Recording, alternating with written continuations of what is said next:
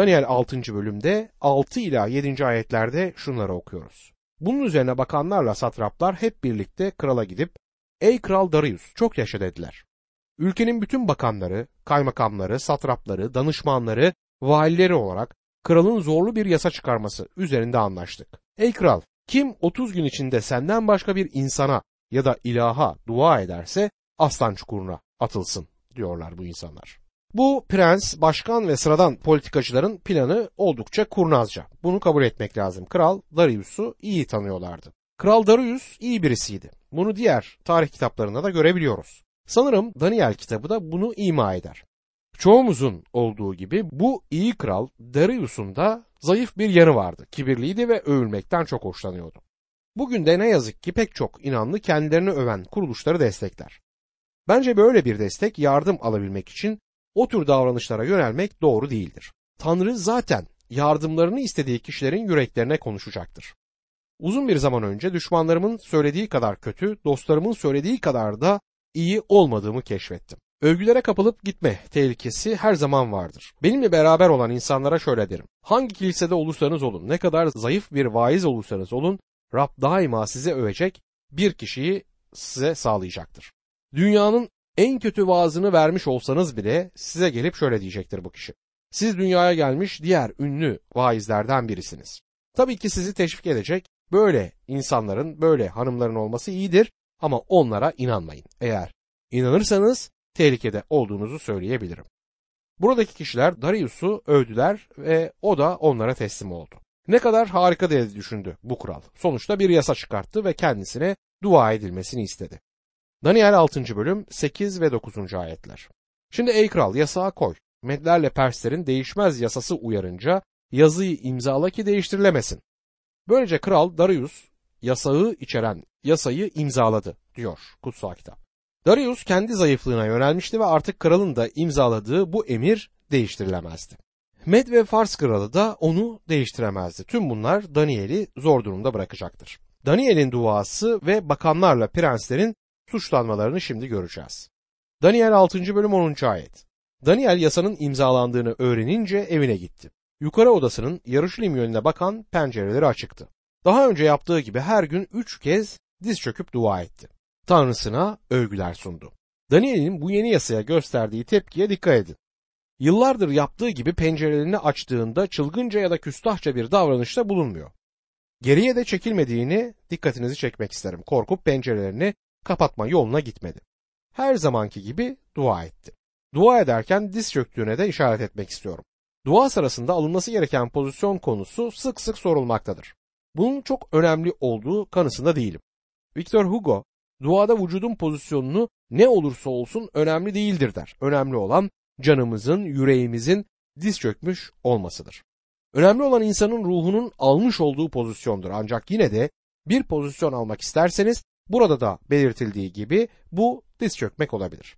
Daniel'in Yarışlim'e yönelerek dua ettiğine de dikkat etmemiz gerekir. Bu Daniel'in yaşamının yönüydü ve Darius'un buyruğundan dolayı bunu değiştirmeye de niyeti yoktu. O dönemde Tanrı'ya inanan kişiler Yarışlim'deki tapınaktan uzakta olduklarından Yarışlim'e dönerek dua ederlerdi.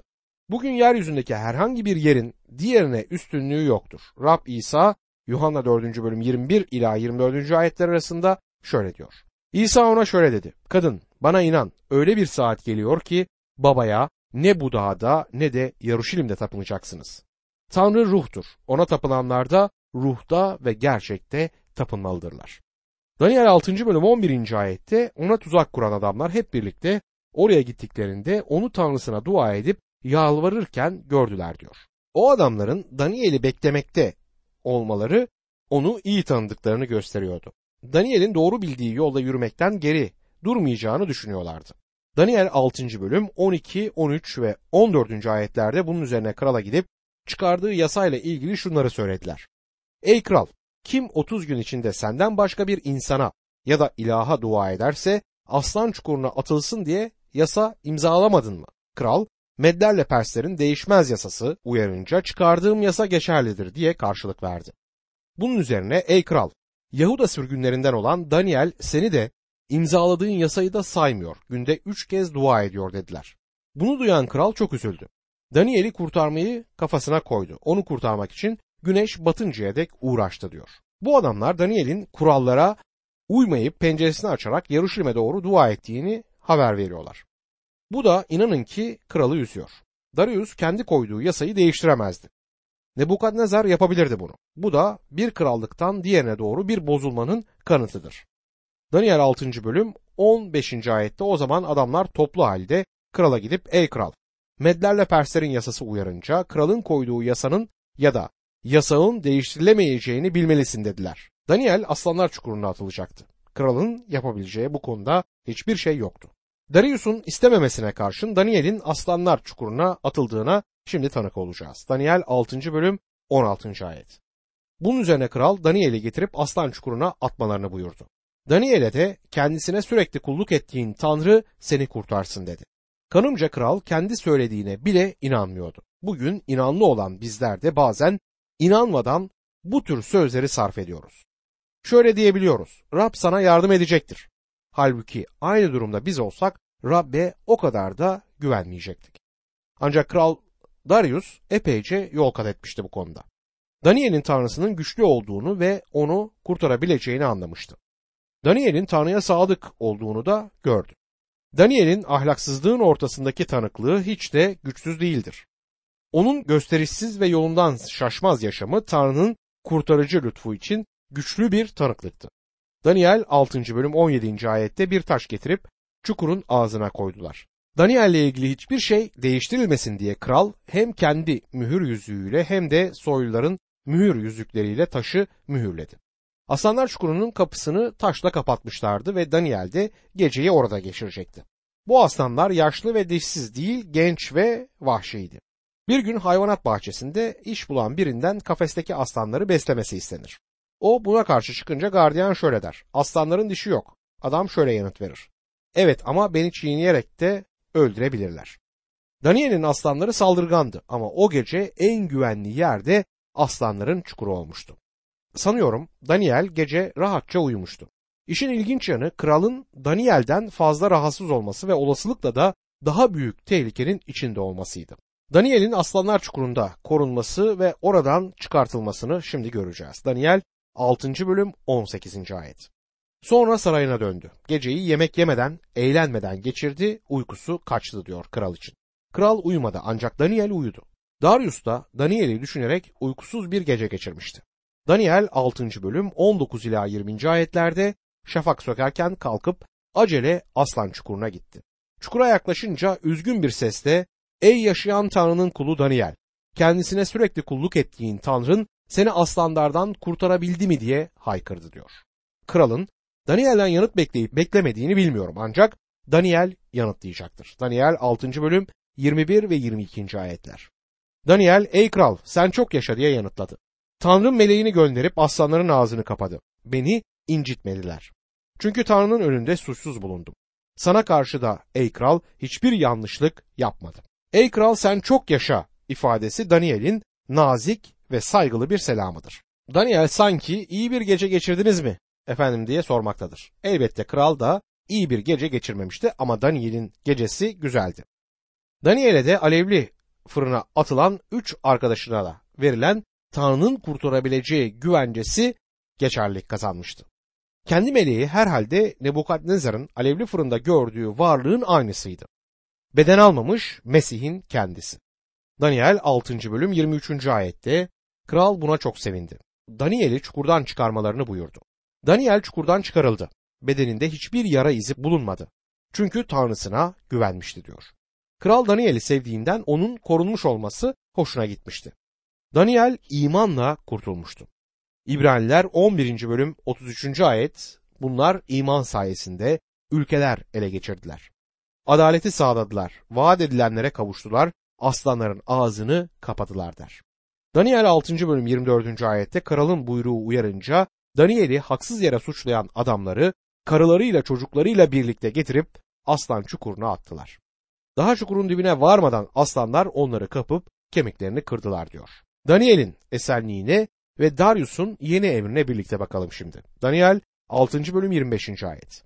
Kral Darius dünyada yaşayan bütün halklara, uluslara ve her dilden insanlara şöyle yazdı. Esenliğiniz bol olsun. Darius kişisel tanıklığını kaleme alıp tüm dünyaya gönderecektir. O da Nebukadnezar'ın sahip olduğu esenliğe kavuşmuştu. Daniel 4. bölüm 1. ayette Nebukadnezar'ın Daniel'le birlikte kavuştuğu esenliği görüyoruz. Bu esenlik tanıklığı gece uyuyamamış olan aynı adamdan geliyordu. Daniel 6. bölüm 26 ve 27. ayetler. Krallığımda yaşayan herkesin Daniel'in tanrısından korkup titremesini buyuruyorum. O yaşayan tanrıdır. Sonsuza dek var olacak, krallığı yıkılmayacak, egemenliği son bulmayacak. O kurtarır, o yaşatır, gökte de yerde de belirtiler, şaşılası işler yapar. Daniel'i aslanların pençesinden kurtaran odur. Darius insanlara Daniel'in tanrısından korkmalarını emreder. Onun ilahların tersine yaşayan ve güçlü tanrı olduğunu duyurmaktadır. Darius aslanlar çukurundaki mucize sayesinde Tanrı'ya gelmiştir. Daniel 6. bölüm 28. ayette böylece Darius'un ve Persli Koreş'in krallığı döneminde Daniel'in işleri iyi gitti diyor. Daniel artık güvendeydi ve yaşamının sonuna kadar da güvende kaldı. Ki bu Koreş'in krallık dönemine dek uzanır. Yahudilerin Filistin'e dönme emrini çıkartan da 2. tarihler 36. bölüm 22 ve 23. ayetlere göre ve Ezra 1. bölüm 11. ayetlere göre Koreş'ti. Böylece Daniel kitabının tarihsel kısmı sona erer. Bundan sonrası yabancı bir ülkede yaşadığı uzun yıllar içerisinde Daniel'e verilen görümler ve peygamberliklerle ilgilidir.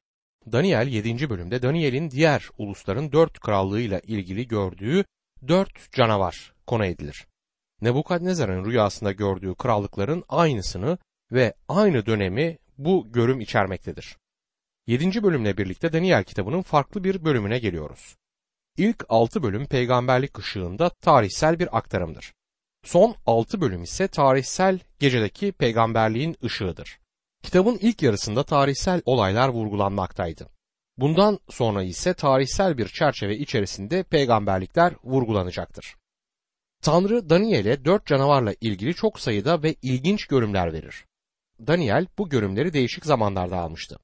7. bölümdeki görüm Kral Belşatsar'ın ilk yılına denk gelir. 8. bölümdeki görüm ise Belşatsar'ın krallığının 3. yılında, 9.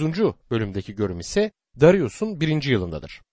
10. bölümdeki görüm Koreş'in krallığının 3. yılında ve 11 ile 12. bölümlerdeki görümde Darius'un ilk yılında meydana gelmiştir.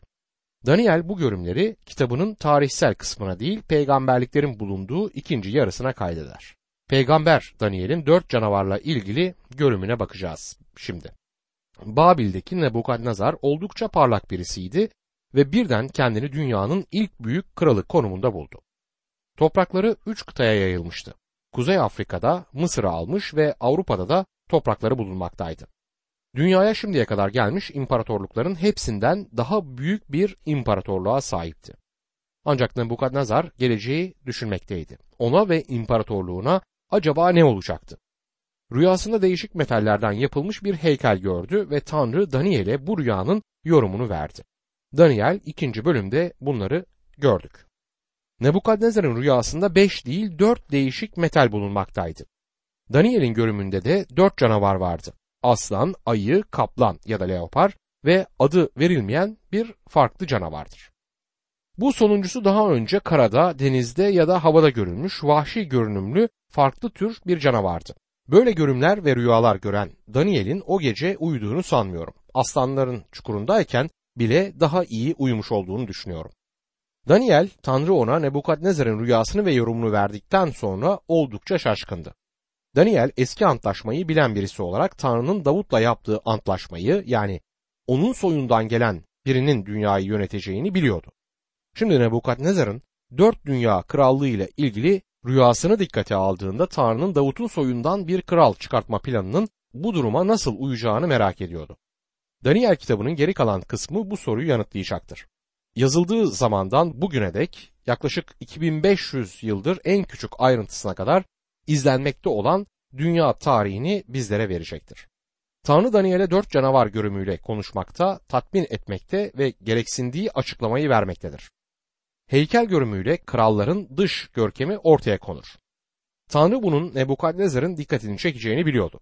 Ancak Tanrı Daniel'e verdiği görümlerde bu krallıkların içini ve gerçek yapısını da görmesine izin vermektedir.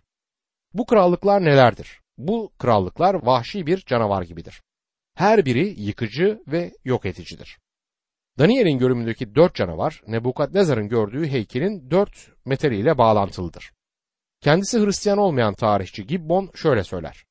Dört imparatorluk açıkça tanımlanmış, Romalıların yenilmez orduları Daniel'in peygamberliklerinde Justin ve Diodoros'un yazdıklarında olduğu kadar kesin hatlarla betimlenmiştir.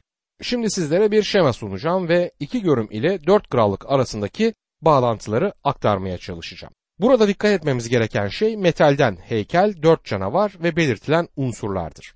İkinci bölümde metalden heykel, altından baş, gümüş kollar, tunç karın, demir bacaklar ve demir ve balçık ayaklardır. Dört canavar ise yedinci bölümde bizlere aslan, ayı, panter ya da leopar ve farklı türden bir canavar olarak verilir. Belirtilen unsurlar ise burada Babil, Med-Fars İmparatorluğu, Grek Makedonya İmparatorluğu ve Roma İmparatorluğu'dur. İlk olarak denizde esen dört yel görüyoruz. Daniel 7. bölüm 1. ayet. Babil kralı Belteşassar'ın krallığının birinci yılında Daniel yatağında yatarken bir düş ve görümler gördü. Sonra düşünün özetini yazdı diyor. Bu görümün zamanı Belşatsar'ın krallığının ilk yılıydı. Bu da altından başın yani Babil'in dünyayı yönettiği zamanın sonuna doğruydu. Yobiras'ın su kanallarından girerek şehri ele geçirdiği gece Belşatsar Babil'de egemenlik sürmekteydi. Bu görümler ki ilk görümde yalnızca dördüncü canavarın gösterildiğini, ikinci görümde yalnızca dördüncü canavarın ve üçüncü görümde de cennetten bir yerin gösterildiği düşünülmektedir. Dolayısıyla burada kayıtlı üç görüm olduğunu söyleyebiliriz. Düşü yazdı diyor kutsal kitap. O sırada Daniel Babil'de tanınmıyordu ve sanırım Tanrı sözüne ve yazmaya ayıracak daha çok zamanı vardı. Belki Daniel kitabının ilk bölümünü de o kaleme almıştı. Daniel 7. bölüm 2. ayet şöyle dedi. Gece bir görümde göğün dört rüzgarının büyük denize saldırdığını gördüm. Dört büyük rüzgar büyük denize saldırıyorlar. Burada kastedilen deniz Akdeniz'dir. Rüzgar sıkıntı, propaganda, halkın düşüncesi ve rahatsızlık gibi anlamlara gelebilir. Deniz ise kalabalık kitleleri ve diğer ulusların halklarını ima etmektedir. Matta 13. bölüm 4. ayet, Vahiy 13. bölüm 1. ayet ve Yaşaya 57. bölüm 20. ayet bize bunu açıklar. Vahiy kitabında 17. bölüm 1 ve 15. ayetlerde şöyle der. Yedi tası alan yedi melekten biri gelip benimle konuştu. Gel dedi. Sana engin suların kenarında oturan büyük fahişenin çarptırılacağı cezayı göstereyim. Bundan sonra melek bana şu gördüğün sular fahişenin kenarında oturduğu sular, halklar, toplumlar, uluslar ve dillerdir diyor. Dolayısıyla deniz tüm dünyadaki diğer uluslardan olan insanların toplamıdır. Rüzgar genellikle belirli bir yönden eser ancak burada her yönden esen şiddetli bir kasırga söz konusudur. Burada yalnızca dört ulusun yaşadığı karışıklıklara göndermede bulunulmayıp tüm uluslardan büyük kitlelerin düşüncelerini etkileyecek yaklaşımların gelişeceği dördüncü krallığın son dönemlerine de gönderme yapılmaktadır. Bunu 11, 12 ve 17. ayetlerde görüyoruz. Roma İmparatorluğu'nun yeniden dirileceği zamana yaklaşmaktayız. Bu ülke Roma İmparatorluğu'nda bulunan Avrupa ülkeleri İtalya, Fransa, Almanya ve İspanya'da hala yaşayan Roma ruhudur. Ancak ne kadar yaklaştığı konusunda tartışmanın gerekli olduğu kanısında değilim. Tüm bu uluslar farklı görüşleri, farklı yönetim biçimleri ve yaklaşımlarıyla bir araya gelecektir. Bu noktada dikkatinizi belirtilen olaylarla dünyamızdaki şimdiki durum arasındaki paralelliğe yöneltebiliriz. Çağların sonuna yaklaştığımızı söylememin nedeni bu. Bugün tüm kıtalarda bir uyanma ve eşit haklar isteme döneminde yaşıyoruz. Yüzyıllardır ilkel yaşam sürmüş halklar aniden hız çağına ulaşıyorlar. Radyo ve füzeler kitlelerin düşüşünü değiştirmiştir. Yeni düşünceler zihinlere yerleşmiş, sıkıntılı dünyamızda da 3. Dünya Savaşı'ndan sakınmaya çalışır hale insanlar gelmeye çalışıyorlar. Ancak bu ne kadar mümkün olacak bilmiyoruz. Acaba radyo ve televizyon yoluyla beyinlerimizin yıkandığının farkında mıyız? Bize bu şekilde her türlü fikir aşılanmaya çalışılıyor. Sıkıntılı halk kitlelerine propaganda yapılmaktadır. Ben de Tanrı sözünün propagandasını yapıyorum ve bu itirafı etmekten de çekinmiyorum. Keşke kutsal kitapla ilgili insanların düşüncelerini gerçeğe yöneltebilsek. Bu bölümdeki küçük boynuz kitlelerin zihinlerine yerleşecektir. O büyük şeyler söyleyen ağız olarak 8. ayette tanımlanır. O şeytanın adamı olacak ve ortaya çıktığında kendini dünyaya satacaktır. Rab İsa Mesih Yuhanna 5. bölüm 43. ayette şöyle der. Ben babamın adına geldim ama beni kabul etmiyorsunuz. Oysa başka birisi kendi adına gelirse onu kabul edeceksiniz. Bugün hümanizm her yerde insanları yüceltiyor. Pek çok insan sahne ve sinema oyuncuları da birbirini yüceltmektedir. Değişik medya araçlarını kontrol altında tutan insanlar bunu yapıyorlar. Tiyatroda saygıdeğer halini korumaktadır. Oysa eskiden Yunanların bugün de bizim ahlaki değerlerimizde çöküntüye yol açan bu birbirini pohpohlama düşüncesidir. Gençlerin özgürlükleri konuşup sonuçta da herkes gibi giyinip yaşadıklarını görüyorum. Gerçekte özgür değiller. Bugün birçok insanın beyni ne yazık ki yıkanmaktadır. Beyinler Tanrı'nın sözüyle yıkansaydı herkes çok daha farklı bir durumda olacaktı. Daniel'in çizdiği resim oldukça korkutucudur. Beni yanlış anlamanızı istemem. Bugün gördüklerinizin peygamberliğin gerçekleşmesi anlamına geldiğini söylemiyorum. Yalnızca rüzgar esmeye başladı ve fırtına da uzun sürebilir diyorum. Daniel 7. bölüm 3. ayette denizden birbirinden farklı dört büyük yaratık çıktı diyor. Dört yaratık ya da canavar birbirinden farklıdır. Aslan, ayı, panter ve on boynuzlu canavar. On boynuzlu bir canavarı ilk kez burada gördüm. Bu canavarlar değişik uluslardan, halklardan ve dillerden gelen krallıkları simgelemektedir. Örneğin aslan, Babil'i simgeler. Daniel 7. bölüm 4. ayet.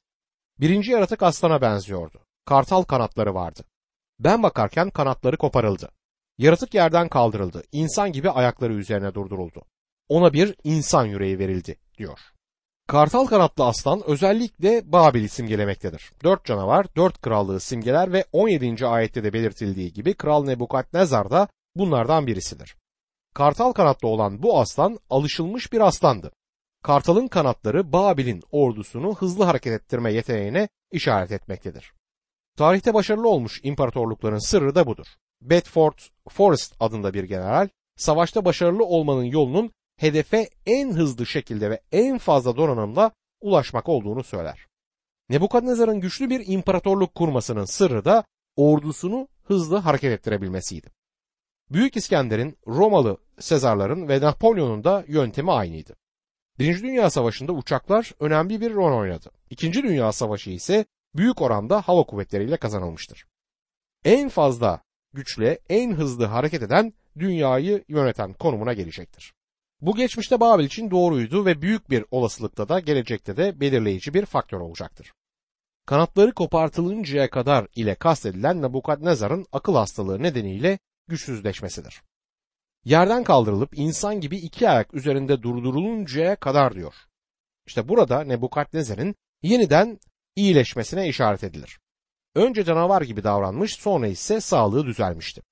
Ona bir insan yüreği verildi diyor. Kanımca bununla kastedilen Nebukadnezar'ın iman etmesiydi. Herhalde yaşayan gerçek Tanrı'ya inanmıştı. Aslan altından baş olan Babil'e karşılık gelmektedir. Babil bugün yalnızca kalıntılar halindedir ancak Yeremya'da da belirtildiği gibi bu kalıntılar eskiden büyük bir görkeme tanıklık etmektedir. Bu kalıntıların arasında gururla duran bir aslan görmek mümkündür. O da büyük imparatorluğu simgeler. Babil'de yapılan kazılar bir zamanlar orada büyük bir uygarlığın yaşamış olduğunu gösterir. Babil'in asma bahçeleri eski dünyanın yedi harikasından birisiydi. Nebukadnezar dağlık bölgeden gelen bir kızla evlenmişti. Babil düz bir yerde olduğundan onun evini özlememesi için asma bahçeleri yaptırmıştı. Bu bahçeler gerçekten de güzeldi. Babil Kulesi'ne benzeyen bir görüntüleri vardı. Tuğladan yapılmıştı ve çevresinde spiral şeklinde tepeye dek çıkan bir yol bulunmaktaydı. Tepede de insan kurbanlarının sunulduğu sunaklar vardı. Babillerin ideale yakın bir posta sistemleri, pirinçten borulu muskaları vardı. Okumayı sevdiklerinden şehirde büyük bir kütüphanede bulunmaktaydı. Şehrin çevresinde 100 metre yüksekliğinde ve 4 atlı arabanın yan yana gidebileceği genişlikte surlar vardı ve şehrin güvenliğini de bunlar sağlıyordu. Çok sayıda metalden yapılmış olan heykelin altın başı bu ilerlemiş uygarlığın dış görkemini simgelerken aslanın vahşi doğası da bu krallığın 2 ve 3. bölümlerde de belirtilen putperestliğini temsil ediyordu.